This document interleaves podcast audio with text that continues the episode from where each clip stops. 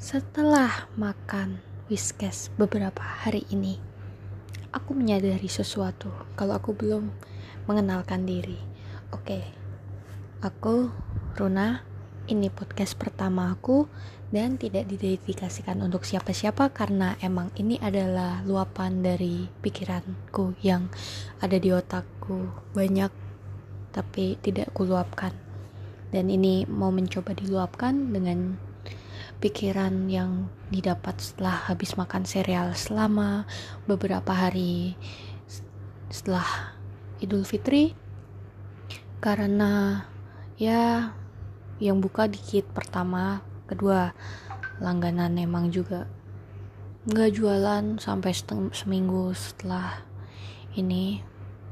Dan yang ketiga pernah deliver GoFood malah tidak enak padahal mahal. Mager banget ya udah cari yang pasti enak ya udah mie dan sereal. Oke okay. nasib ngekos.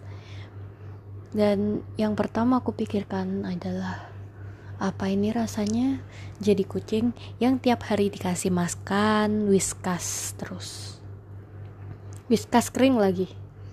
Nggak pakai susu kecuali yang tipe basah ya Mungkin setelah ini kalau aku punya kucing apa anjing, aku bakal memperlakukan dia dengan lebih baik dengan memberi dia makan yang macam-macam biar nggak bosan. Atau mereka emang butuh makanan yang emang cuma itu ya, cuma whiskas doang atau royal canin doang gitu. Karena mereka itu setauku makanannya itu sehari-hari itu aja. Tapi kalau mau ganti makanan lain mereka harus peralihan gitu loh. Bagi yang tahu bisa kasih tahu aku.